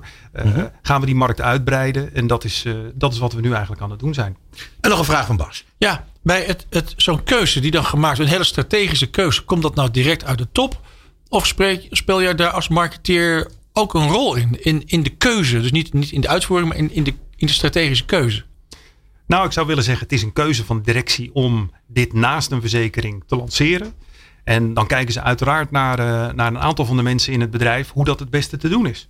En of je dat onder een eigen merk doet, of je dat doet onder DAS of een apart label dus. Of je dat doet met uh, nou, een campagne die dat uh, separaat in de markt zet of niet. Uh, kijk, dat doen we samen. Ja, maar dat maakt jouw werk natuurlijk heel veel leuker en spannender. ja, dat zou ik zeker zeggen. Kijk, voor mij is het belangrijk om uh, als marketeer om, om mensen nieuwsgierig te maken. Uh, het betekent namelijk dat ze zelf informatie willen vinden, dat ze zelf een oplossing zoeken. Um, en het enige wat ik zou moeten doen is zorgen dat ze denken aan DAS en dat, ja, dat ze hun antwoorden vinden. Uh, want ja, veel mensen zien, uh, zien rechtsbijstand als een noodzakelijk kwaad. Maar uiteindelijk kan het, uh, ja, als je de dingen wil voorkomen, kan het, uh, kan het een hele hoop ellende ook, ook schelen. Hè, wat ik daarmee wil zeggen is, um, we proberen eigenlijk door, door ja, het merk goed neer te zetten, um, ja, ook een, een persoonlijke klik met het merk te realiseren. Pieter, het zit er alweer op. Ja, het is ongelooflijk maar waar. Uh, ja, zei net heel mooi, denken aan DAS. Ik denk dat dat uh, jouw opdracht is, uh, grosso modo. enorm veel dank voor je komst in de studio. Ik vond het een heel interessant gesprek. En heel veel succes met alles wat jullie gaan doen met ja, DAS. Dank jullie wel. Dit is Marketing Report op Nieuw Business Radio. Ja, en nu hebben wij in de studio, tot ons enorm grote plezier, Birgit Zuurveld. Zij is Managing Director bij Dorst Lesser. Welkom. Dankjewel. Wat goed dat je er bent. Ja, hartstikke En gezellig bovendien. Nou, dat hoop ik. Nou, natuurlijk is het gezellig. hey, uh, helping global brands to be successful in the social age. Nou, we zitten we toch echt wel midden in die social age, hè? Zeker, zeker. En ik denk eigenlijk alleen maar meer door de hele situatie waar we nu natuurlijk in zitten, is alles online, alles online. En ja, eigenlijk alleen maar veel meer social en uh, nog meer uh, business online inderdaad. Ja, want het gaat, uh, het gaat goed. Het was even wennen misschien aan het begin van, de, van de, de, de, de ellende met COVID. Maar uh, laten we eerlijk zijn, sommigen profiteren daar ook van. En daar zitten jullie bij. Ja, gelukkig wel. Ja, ja lekker. Ja, het is heerlijk. Ja, soms ja. is het een beetje vervelend om te zeggen tegen mensen die het nee. wel slechter hebben. Maar ja, nou. wij kunnen, we hoeven echt niet te klagen. Nee, en dat gaan we ook zeker niet doen. We gaan het hebben over jullie succes. Uh, jij komt zelf uit de journalistieke hoek. Jij bent uh, eigenlijk meegegroeid in, in het bedrijf. Intussen managing director. Niet, uh, niet niks, zou ik maar zeggen. Um, en je bent eigenlijk bij voortduring bezig om uh, groei te uh, bewerkstelligen. Uh, en klanten op een hele interessante manier te bedienen. Ja. En je zei van ja, wij kunnen ook onze klanten heel snel en gemakkelijk bedienen. Omdat wij heel makkelijk content kunnen produceren. Vertel even hoe het werkt. ja. Um, nou ja, eigenlijk wat natuurlijk uh, echt onze business is, is eigenlijk kijken van hoe kunnen we nou op langer termijn kijken met klanten naar van oké, wat gaan we op social echt bewerkstelligen, echt businessdoelstellingen behalen. Uh, wij zijn ook echt wel een social bureau dat zegt gewoon van ja, wij, wij geloven er ook heilig in dat businessdoelstellingen via social gehaald kunnen worden. Mm -hmm. um, maar daar heb je natuurlijk een, een, strategie voor nodig en daar heb je content voor nodig. En uh, zeker die content die uh, de afgelopen tijd gemaakt moest worden, moet natuurlijk heel erg inhaken uh, eigenlijk op de belevingswereld van de mensen. Dat is altijd al zo geweest. Doelgroep en merk bij elkaar brengen is natuurlijk wat social is. Uh, maar de laatste tijd wordt dat alleen maar meer. Doordat we natuurlijk, nou ja, zel, zelfs letterlijk vandaag. Misschien is er straks geen avondklok meer. Misschien moet de content dus morgen anders. Ja. En wij zijn een bureau, denk ik, dat dat een van onze krachten is. We hebben een in-house studio. We hebben dus in-house zowel strategie als creatie als de advertising kant. Dus we kunnen het ook nog wegzetten. Mm -hmm. Doordat we het allemaal in-house hebben, kunnen we dat heel snel doen. Dus eigenlijk kunnen wij morgen gaan schakelen voor onze klanten. Mocht het dus zo zijn dat de ja. avondklok er inderdaad weer uit is. Wat mij opvalt, uh, Birgit, is dat jij dit allemaal vertelt met een ongelooflijk grote glimlach op het gelaat. dat moet je zeggen, dat is heel verfrissend. Want we hebben altijd hele vrolijke gasten, omdat we het altijd gezellig hebben in de studio en over leuke dingen praten. Maar ik, jij bent wel heel erg vrolijk. Nou ja, nee, maar dat ja, is fijn. Ik vind het oprecht leuk wat ik doe. Ja, nee, maar het is ook, ja, maar klaarblijkelijk vind je, ben je ook heel erg trots op het feit dat jullie uh, dit op deze manier voor je klanten kunnen doen. Ja, ja, zeker. Ik vind dat, ja, ik vind dat leuk. Uh, je hebt ook gezegd van ik kom uiteindelijk kom ik vanuit de journalistiek. Ik vind Ja. het leuk om verhalen te kunnen vertellen. Maar ik hou ook wel van die commerciële tak om echt merken wel echt te kunnen helpen. En ook echt gewoon resultaten neer te kunnen zetten. En Ja. dat dan klanten bijvoorbeeld echt al heel lang bij ons zijn. Dat vind ik dan wel een bewijs dat, eh, dat we het Ja, goed doen. natuurlijk. Zeg, nu zei je net, doelstellingen halen kun je dus eh, eh, eh, perfect eh, voor elkaar krijgen met eh, social. Ehm, is het dan zo dat jij vindt dat, dat, dat, dat je alleen met social je doelstellingen kunt halen? Of eh, ben je eh, onderdeel van een groter geheel? Nou, de ideale mix zou ik zeggen, zeker voor een groter merk, eh, lekker in de, in de marketingmix doen. Mhm. Maar ik ben er wel van overtuigd dat het niet zo is dat het bijvoorbeeld bij tv begint en dat social dan aanhaakt. Het kan ook juist heel goed andersom zijn. Het kan ook heel goed bij social beginnen. Wij kennen de doelgroep zo door en door. We praten met de doelgroep, we kennen ze. Dus ik hou er juist van als merken zeggen van nou, wij durven wel een social bureau ons te laten positioneren online. En dan gaan we kijken hoe we dat verder nog breed weg kunnen zetten. Want als En- jouw doelgroep uiteindelijk heel veel op tv zit, ja, alsjeblieft, maak ook een tv-commercial. En hoe goed ken jij al die doelgroepen en hoe doe je dat? En nou ja, uiteraard natuurlijk echt een stukje onderzoek. Gewoon naar wie is de doelgroep eh, en dergelijke. Maar het, het krachtige wat wij natuurlijk hebben, is echt het praten met de doelgroep. Dus, Mhm. En dan bedoel ik niet alleen de vragen en klachten die onder Instagram posts ge- gezet worden. Die zijn er natuurlijk ook. Daaruit lezen wij bijvoorbeeld, eh, nou ja, wij werken voor Lidl. Nou, je hoeft maar over een frikandel speciaal te beginnen. En, en de, de community gaat los en Mhm. dergelijke. Maar we kunnen ook door echt gewoon eh, door middel van content en die op verschillende doelgroepen weg te zetten, door die media inzet dan weer. Eigenlijk echt leren van oké, zijn meer, even als ik het heel simpel zeg, zijn mannen meer geïnteresseerd in deze contentuiting dan vrouwen? Welke leeftijd hebben ze? Waarin zijn ze nog meer geïnteresseerd? Dus wij kunnen zo nauw eigenlijk die doelgroep in kaart brengen die echt geïnteresseerd is in jouw merk. Dat je ze ook eigenlijk door een customer journey heen kunt leiden om weer die doelstellingen te behalen. Ben ik weer rond. ja, nou en eh, Bas die kan niet wachten om een vraag aan je Ja, te ik heb stellen. een vraag over de ontwikkeling van het vak. Kijk, social is natuurlijk een heel jonge, jonge, jonge tak van sport. Maar desalniettemin ontwikkelt het natuurlijk enorm hard. Ehm, eh, vragen jouw klanten nu iets anders van jou dan bijvoorbeeld twee jaar geleden? Ja, zeker. Ehm, ja, social is jong. Aan de andere kant, eh, nou ja, ik werk inmiddels tien jaar in het vak. Dus zo heel jong is het ook niet meer. Eh, wat ik heel erg heb gezien is eigenlijk toen het allemaal begon, was het natuurlijk heel erg eh, eigenlijk als merk inbreken in de plek waar eigenlijk mensen met elkaar aan het contact waren leggen, gewoon tussen vrienden. We waren foto's aan het delen op, op Facebook van onze vakanties en dergelijke. Nou, daar brak, braken toen eigenlijk de merken in, in om maar te zeggen. Uh, dat was heel erg zoeken. Nou, dat is eigenlijk de start geweest van een bureau als Dorsey Lesser en andere social media bureaus die echt hebben gekeken van oké, hoe kunnen we dat nou gaan doen? Nou, toen zijn we eerst heel erg op zoek gegaan naar fans en volgers, uh, hele activaties om maar zoveel mogelijk Facebook fans te gaan creëren, zodat we tegen ze konden gaan praten. Nou, toen op een gegeven moment kreeg je eigenlijk het stukje dat de content ook echt van een bepaald niveau moest zijn. Dus een stukje video kwam erin. Uh, nou, wij hebben ook een hele motion design afdeling eigenlijk zitten die echt gewoon content heel mooi ging maken, heel kwalitatief, zodat we dus ook echt dat plekje tussen die vakantiefoto's konden innemen. Toen kwam eigenlijk een stukje data erbij. Dus ook echt kijken van oké, we hebben nu mooie content, we hebben de kanalen, maar laten we ook nog voor zorgen dat het bij de juiste doelgroep terechtkomt. En eigenlijk wat ik de afgelopen tijd heel erg zie, is dus eigenlijk echt zeggen van oké, social slash online is zo belangrijk geworden. Daar hebben we echt een goede strategie voor nodig. Dat verdient gewoon een social strategie die echt goed onderbouwd is. Waar een goed verhaal in zit. Waar een goed stukje doelgroepanalyse in zit. Waar ook een goede combinatie wordt gemaakt tussen lange termijn en korte termijn doelstellingen. Niet alleen maar van oké, ik wil nu iets verkopen. Maar ook juist uh, op lange termijn.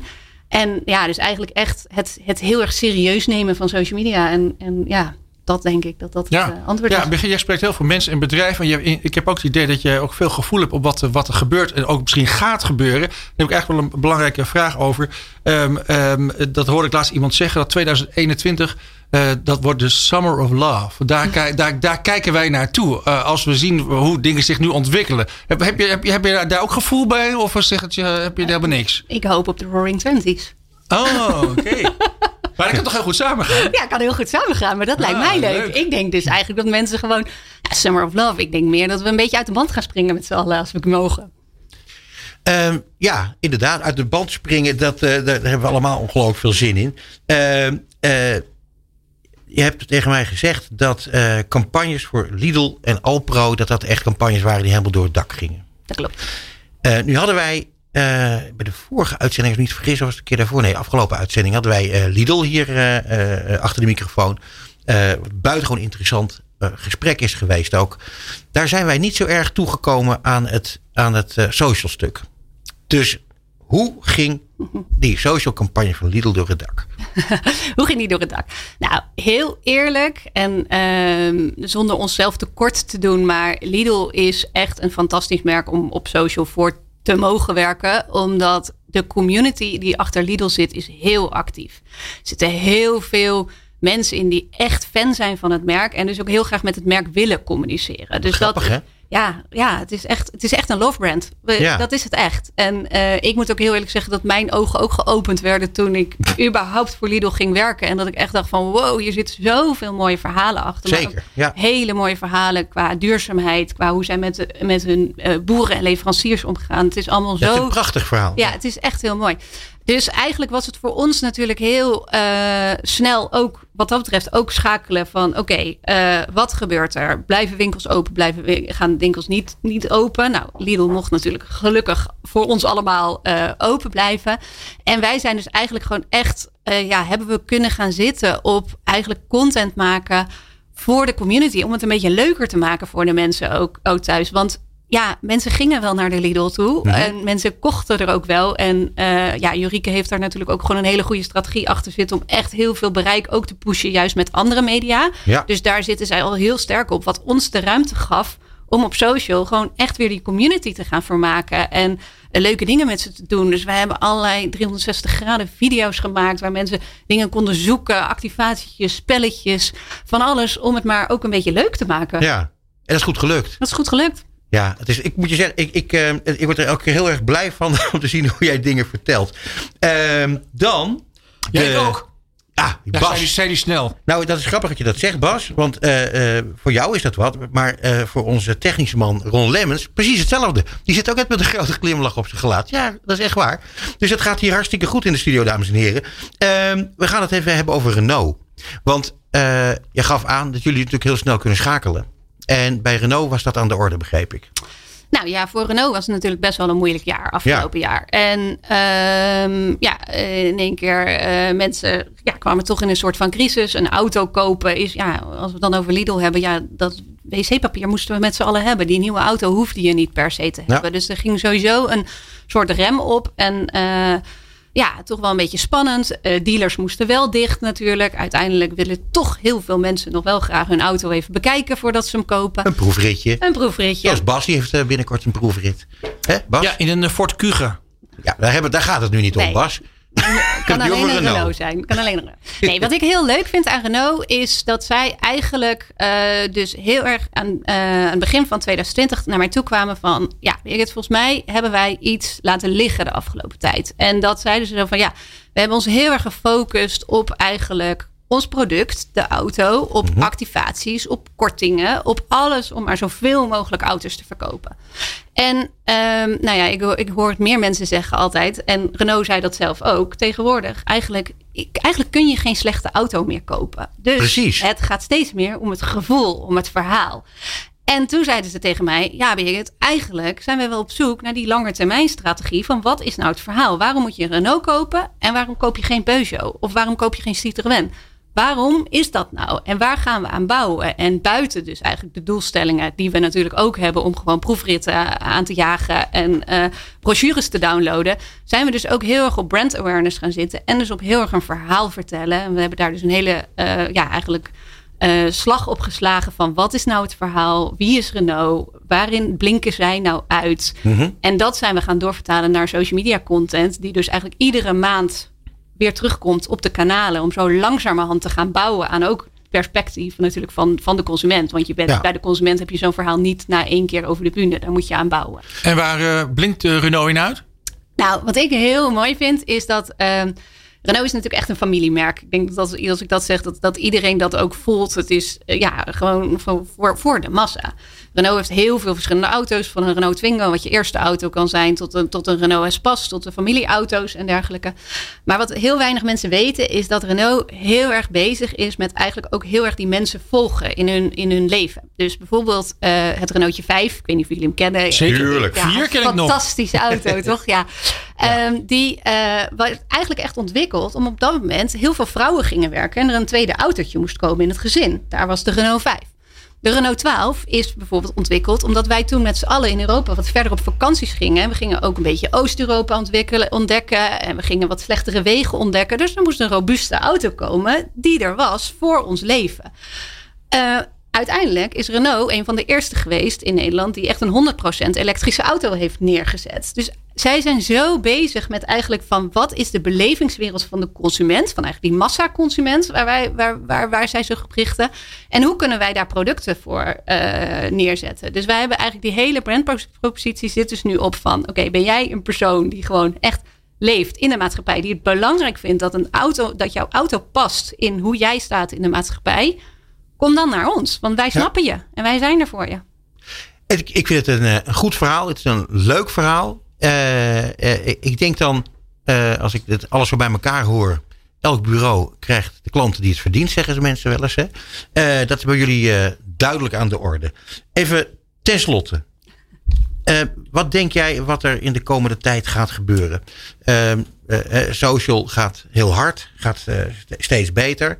Ehm, Zit dat al een beetje tegen zijn top aan? Komt, er, komt er meer? Waar, hoe kijk je er tegenaan? Um, ik denk niet per se dat er meer komt. Ik denk wel dat het gewoon zich blijft ontwikkelen. Ik denk ook dat onze, nou ja, ja net zoals wij steeds behoefte hebben aan andere auto's, hebben wij ook steeds meer behoefte aan, aan anders media consumeren en mm -hmm. ook anders onszelf vermaken. Dus het zal zich blijven ontwikkelen. Um, wat ik leuk vind en goed vind om te zien, is dat we wel steeds meer een beetje niche-markten gaan ontdekken. Ik denk dat dat ook bijvoorbeeld de kracht van nu zo'n clubhouse is. Dat we daar echt in niches kunnen gaan zitten, ook met niches kunnen gaan communiceren met elkaar. Mm -hmm. En dat het dus wel weer een beetje teruggaat naar echt social ook inzetten als communicatiekanaal met, met elkaar. En met elkaar praten. Eigenlijk zoals we vroeger ook een beetje zijn begonnen. En dat vind ik heel leuk. Dan denk ja. ik, ja, dat, dat is de kracht van social. En laten we lekker met elkaar in contact staan. En van elkaar leren en beter worden. En als merk moet je daar dan ja, als een persoon tussen gaan staan. En dan heb je daar een hartstikke mooi plekje in. Mooi toekomstperspectief. Dankjewel, Birgit Zuurveld, Managing Director bij Dorst en Lesser. Allemaal bellen. Dit is Marketing Report op Nieuw Business Radio. En wij hebben in de studio Ries Bokken. Hij is Senior Brand Manager Zamora Company bij Maxium Nederland. Heel erg welkom bij ons in de studio. Dankjewel. Goed dat je er bent, man. Uh, ja, uh, Maxium, uh, een, een, grote en bekende club. joint venture, als ik me niet vergis. Lucas Bols met... Edrington Group Ja. uit Schotland. Ja, Eh, bekend van Famous Grouse, whisky onder andere. Oh ja, McKellen, ja. Eh Jägermeister Jägermeister, zit Piep- erin. Pieper Heidsieck champagne. Ja, ehm, whisky. Heel veel whisky. Ehm, verschillende merken whisky die eh, ja, bij, de, bij de kennis bekend zijn. Ja. Glenfiddich, Balvenie whisky, Monkey Oh. Shoulder. Een hele waslijst whiskies. eh, maar ook lekkere likeuren. Ja, en daar gaan wij het over hebben. Want jij bent, jij ver- vertegenwoordigt Samora. Ehm, vertel even iets over dat bedrijf. Want de, de- Samora zelf is denk ik niet zo erg bekend. En dat hoeft waarschijnlijk ook niet. Nee. Maar voor onze eh, luisteraars is dat wel interessant. Ja. Eh Zamora Company, Spaans bedrijf, eh, viert met haar grootste merk Licor 43. Kent iedereen. Kent iedereen. Haar 75ste verjaardag dit jaar. Ehm, Gefeliciteerd. dankjewel. ja, Familiebedrijf. Ehm, Mooi. Ja, dus, en, en nog steeds, na, na al die jaren. Ehm, is in Spanje ook heel bekend met een, eh, een aantal wijnmerken. Ramon Bilbao, Mhm. ook in Nederland wel onder de wijnkenners bekend. Eh, maar in Nederland is vooral eh eh, Licor en Villa Massa. Dat zijn Ja. twee grote, grote merken. Hey, en toen kwam jij net binnenlopen. En nu zijn wij altijd heel erg blij als onze gasten binnenkomen. Maar met jou waren we extra blij. Want jij kwam met een fles binnenzetten. En tot ons grote genoegen staat hier ook nog een glaasje voor ons. Wat, hebben wij, wat zien wij hier voor ons? Het ruikt in elk geval al heel lekker. Wat, wat, eh, wat is dit? Ja, dit is onze laatste eh, innovatie eh, die we onder het merk Villa Massa op de markt hebben gebracht afgelopen oktober. Mhm. En dat is Villa Massa Amaretto. En dat is een, zoals de naam, ja, wat, wat- waar doet Amaretto jou aan denken? Ja, aan. aan eh, eh, nou, eerlijk gezegd doet het mij denken aan, aan dat Italiaanse toetje. Eh, met, die, met die lange vingers en zo. Tiramisu. Tiramisu, ja, precies. Dat, daar is het ook een ingrediënt van. Ja. Dat klopt. En daarvan, daarvan, dat gebruiken heel veel mensen ook. eh, eh, ja, daar wordt Amaretto voor gebruikt. Maar het is meer dan dat. Het is ook een hele lekkere liqueur om als digestief of in een, in een cocktail te drinken. Ja, ja, ja, ja. Dus ja, dat, dat staat hier voor je en dat ruik je en dat ga je zo meteen ook wel proeven. Ja, jij mag straks het teken geven waarop we mogen proeven. Eh, laten we het nu nog niet direct doen, want we hebben nog heel veel te bespreken. Ja. Ehm, eh, jullie, jullie, of jij focust je op dit moment met name dus op eh Villa Massa en op de merken van Samora. Ja. Ehm, hoe gaat het? Want jullie hebben geen gemakkelijke tijd achter de Nee. rug. Nee. Ja, zoals veel businesses in, in diverse segmenten eh, heeft natuurlijk het vorige jaar een, een enorme impact gemaakt. Ja. Eh, en vooral eh, ja, de, de horecasluiting, eh die, die, die sector Ja, dat hakt erin. Ja. on- onwijs hard getroffen. Eh, en daar zijn wij eh, uiteindelijk maar een klein onderdeeltje van. Maar dat voelen we eh, uiteindelijk eh, behoorlijk in, eh, eh, ja, in, in alle plannen die we hebben en, en de performances die we laten zien. Eh, het goede nieuws is echter wel dat eh, de Nederlandse consument gelukkig wel is blijven drinken. Ja. Eh, en Ja, dat en doet- volle snelheid geloof ik ja, ook, hè? ja, Dus, eh, d- dus we zijn ze niet kwijtgeraakt. Ja. Alleen de mensen zijn dat meer thuis gaan doen in plaats Ja. van dat ze dat in de kroeg doen. En dat is, heel, ja, dat is natuurlijk heel zuur voor, voor de horecaondernemers. Maar uiteindelijk is dat voor ons, ja, om die mensen te, te behouden eh, binnen ons merk, eh, ja, dat, dat is wel gelukt. Ja, nou ja, over die horeca-ondernemers komen we straks nog wel even op terug. Ehm, wat heeft dit betekend voor jullie als merk? Wij zagen bijvoorbeeld, en daar hebben we het in het programma ook vaker over gehad. In het begin van de crisis zagen we dat merken opeens al hun campagnes terugtrokken. Eh, wij vonden dat eigenlijk helemaal niet zo'n sterk idee. Eigenlijk best wel een heel slecht idee. Omdat eh, de consument juist extra veel tijd had om boodschappen te communiceren of eh, te, te, te, te, ontvangen en, en daar iets mee te doen. Dus voor je merk kun je natuurlijk heel veel dingen doen. Hoe is dat bij jullie gegaan? Ja, ik denk net, als- net als veel andere merken eh, wa- was de schok groot in eh, midden maart, Ja. eind maart. En, en was ook de onzekerheid daarmee ontzettend groot. En eh, ehm, ja, dus het was afwachten. En we hebben toevallig op dat moment hadden we eh, precies een, een eh, campagne gepland, eh, een grootschalige ATL-campagne. Mhm. die we op dat moment wel eh on hold hebben gezet. Niet omdat we niet meer wilden investeren, maar wel omdat we het niet gepast vonden om in de grote onzekerheid die in die weken heerste, Mhm. een, een campagne met een boodschap zoals wij hem hadden, ja, te, te Om het vrolijkheid en, en gezelligheid. Ja, dat, dat paste niet helemaal bij de tijdgeest op dat moment. Mhm. Ehm, echter hebben we daar in de zomer eh, ja, een inhaalslag op gemaakt. En juist gebruik gemaakt van het feit dat de Nederlander eh, in Nederland vakantie vierde. En in Nederland in, in de tuin, op het balkon. En we hadden hartstikke lekker weer. Ook dat, ja. Ja, dus we hadden terrassen en we hadden strandtenten. Ja. En wat betekende dat voor jullie nieuwe introductie? Uh, ja, een doorslaand succes. Ja, ja. ja, want we hebben het hier over een, uh, ja, een, een, een, een, uh, een drankje, een soort van premix cocktail, hè? Ja. fresco. Ja. vertel even hoe dat is gegaan. Want ik vind het toch wel heel fijn dat, te horen dat er in, in deze periode dan toch zulke mooie introducties hebben plaatsgehad. Ja. Nou goed, kijk, het, het, het innovatietraject voor zo'n product, dat loopt, dat loopt natuurlijk al, al een, ja, een aantal jaar daarvoor. Ja. Uh, dus, dus de planning van de lancering, die, uh, die is daarin niet veranderd. Alleen, uh, ja, we, we, we, stonden op een gegeven moment wel voor een uitdaging met het produceren van een lokale tv-campagne ja. in coronatijd. afstand houden. Ja, het afstand houden op de set. Ja. we hebben dat samen met ons mediabureau MediaExplain en Ad Alliance gedaan.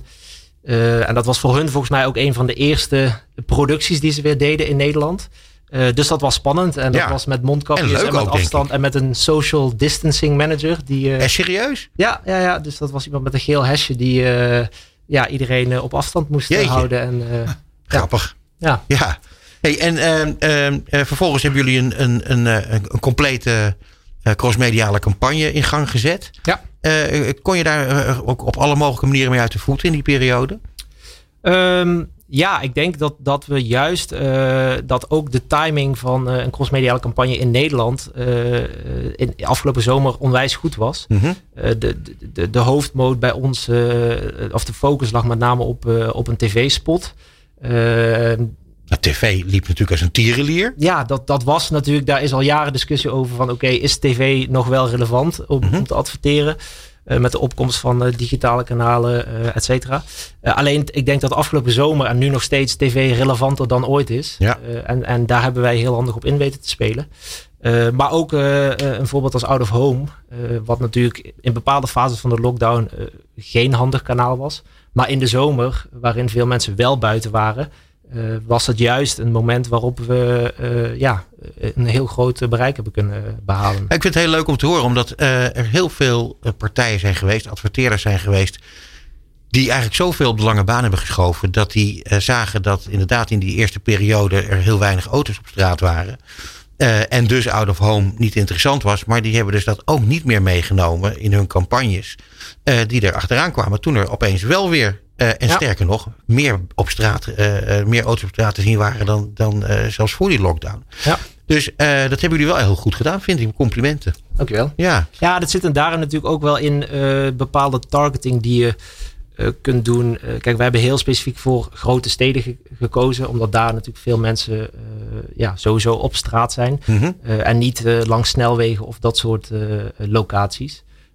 omdat daar denk ik ja, het wellicht wat uitdagender was geweest. We hadden het in, de, in, in het begin van deze uitzending hadden wij het over de, de effecten die dit hele, deze hele pandemie hebben op sponsoring, op evenementen. Al die evenementen die niet plaats kunnen hebben.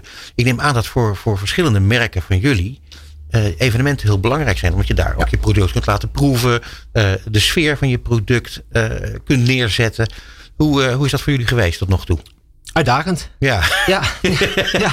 ja. Ja, kijk, uh, sterke drankmerken aan zich, maar ik denk ook uh, als we het over de biersector hebben, of in ieder geval uh, alles wat met drank te maken heeft, die merken worden gebouwd in een setting waarin mensen bij elkaar komen. Ja. waarin mooie momenten, momenten ontstaan en waarin mensen samen genieten van, van die producten. en dat, dat kan ja, naar ons geloof uh, alleen maar in een live setting. Uh, en dat, we hebben heel veel initiatieven gezien die, uh, die online zijn ontsprongen. En dat, dat heeft zeker zijn werk gehad. Alleen, mm -hmm. ja, wij, wij kijken wel uit naar het moment dat, dat we weer meer dingen ja, fysiek kunnen gaan doen. Als we straks weer mogen, is het dan zo dat jullie grotere budgetten hebben klaar liggen, omdat je heel veel budget niet hebt gebruikt? Voor evenementen bijvoorbeeld?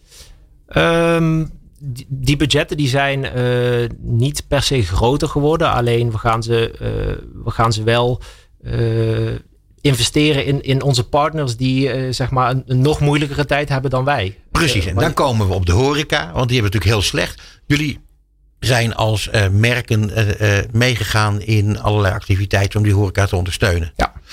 Wat, wat is dat bijvoorbeeld precies geweest? Ja, je hebt, je, je hebt, sinds de horecasluiting zijn er talloze initiatieven geweest vanuit de branche zelf, vanuit de, de industrie, vanuit eh, iedereen die gelieerd is aan de horeca en die er een, eh, die er een, eh, een warm hart toedraagt. Mhm. Zo hebben wij aan het initiatief Help de Horeca meegeholpen, eh, waar ook meerdere bierbrouwers, meerdere frisdrankproducenten aan hebben mee, eh, meegeholpen. Ehm, en dat zijn uiteindelijk hele mooie initiatieven die, die zeker helpen. Mhm. Alleen ja, de, gro- de grootste hulp die, die een horecaondernemer nu kan hebben, is dat, eh, dat ze weer open mogen en dat ze omzet kunnen gaan draaien. Want Natuurlijk. Dat, dat is waar iedereen eh, op zit te wachten. Eh, Bas. Ja, ik heb ook een vraag. En wanneer gaan we proeven? Ik hou het niet meer. Nou ja, zeg. Nou ja, eh, eh, Let's go. Ja, let's go. Oké, ja. ik ben nog niet, we zijn nog niet uitgesproken natuurlijk. Maar het is eh, wel, een- ik vind het wel een verdomd goed idee van Bas om dat nu te gaan doen. Ik zou om te beginnen zeggen proost. En eh, nu alvast op de Saluti? goede, saluti. Eh, op de goede afloop alvast van de business en de horeca binnenkort. Proost allemaal. Proost. Het is echt. Ah, ik vind het echt super lekker. Ah, ik ben even stil Daar van. word je stil van, hè? Ja, nee, echt waar. Dat, dat overkomt mij niet veel. Dat ik even. En dat voor iemand die niet van zoete liqueur houdt. Nou, ik sowieso niet van de zoete drankjes zozeer. Maar.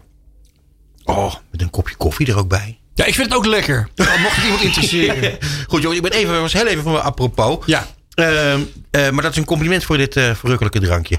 Ehm, jullie hebben natuurlijk concurrenten op, eh, op het gebied van de amaretto.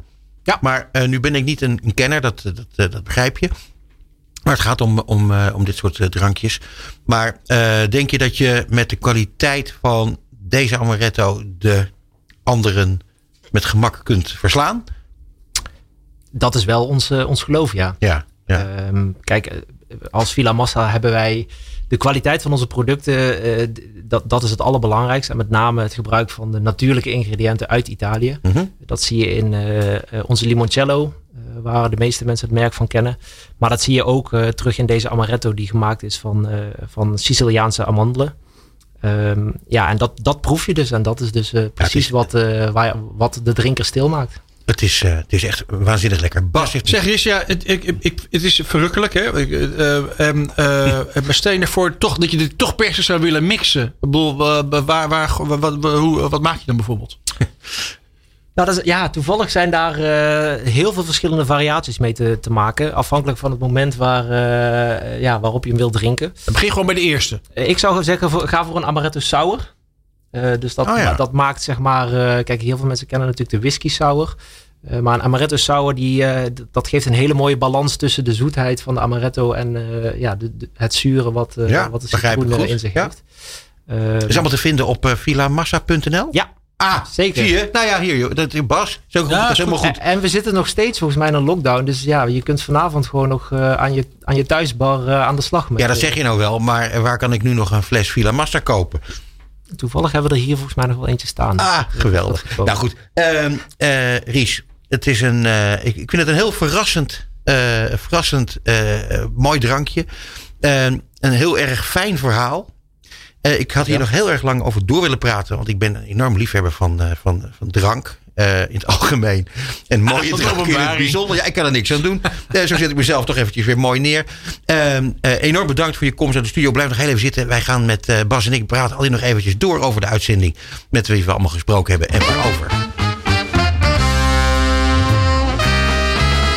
Ja, Bas. ik heb mijn glaasje gelukkig nog niet leeg. Dus we kunnen nog eventjes gewoon lekker met eh, wat, wat eh, spraakwater... kunnen wij eh, de uitzending evalueren. Ja, ik, ik, ik vind het om met dat drankje te beginnen. Ik vind het niet alleen heel lekker, maar het smaakt. wat in mij opkomt is fijntjes. Ik vind het. Ja. Ik vind het. Het is heel gearticuleerd. Het is. Het is. Oh, die amandelsmaak. Het is, Ja, het is- echt top hoor. Het is top. Top, top, top. Ja, vind ik ook. Nou ja, eh, dat hebben we goed gedaan door de juiste man weer uit te nodigen met het juiste product. Ja. Echt goed gedaan. Uh, dus een compliment aan jou, Bas. Uh, we houden het even kort, want we hebben een, een lange uitzending achter de rug. We hebben lekker kunnen praten met iedereen. Ik vond uh, DAS, rechtsbijstand, hè? Dat, daar zou je toch in de eerste instantie denken van... goh, dat is een saai onderwerp. Maar nee, nee. integendeel. Pieter heel leuk. Een, een, een prettig verhaal. Dus ik denk dat ik dat nog eens een keertje ga terugluisteren ook. Birgit. Nou, met Dorsten Lesser. Wat een feest, wat een vrolijkheid. Ja. Hè? Ja, het, het, het, het, is, het, is, het, is, het is een ongekende energie. Het is leuk om met, met uh, zonder verder iemand anders tekort te doen. Maar dat als er sommige mensen die zitten zo op hun plek en die houden zo van hun werk. En, en, en, en, ja, en die, en die zijn echt ambassadeurs ja. voor het vak. Nou ja, grappig uh, dat je dat zegt. Want mensen die heel erg houden van hun werk en ambassadeurs zijn van hun uh, merk. Er was natuurlijk ook Marjolein Meijnen van de Bijenkorf. Ja, dat was leuk. Wat ik daar heel erg leuk van vond, is... Uh, ja, je zal met de Bijenkorf zijn.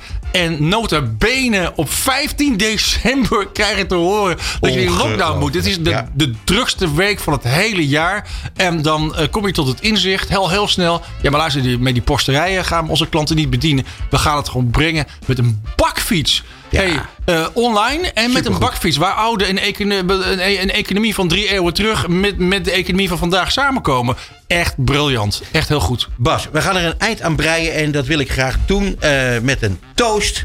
En uh, we hebben toevallig een heel mooi drankje nog voor ons. Ja? met de Villa Massa. En nou ja, luisteraars, ik zou zeggen probeer zo snel mogelijk dat ook voor je snuffer te krijgen. Want het is uh, buitengewoon. Dank voor het luisteren. Heel graag tot de volgende maand. Tot zover Marketing Report op New Business Radio. Alle gesprekken zijn terug te luisteren via podcastkanalen als Spotify, Duke of Apple Podcasts. Komende maand zijn we er weer op de derde dinsdag van de maand. Tussen half zeven en acht uur. Tot dan.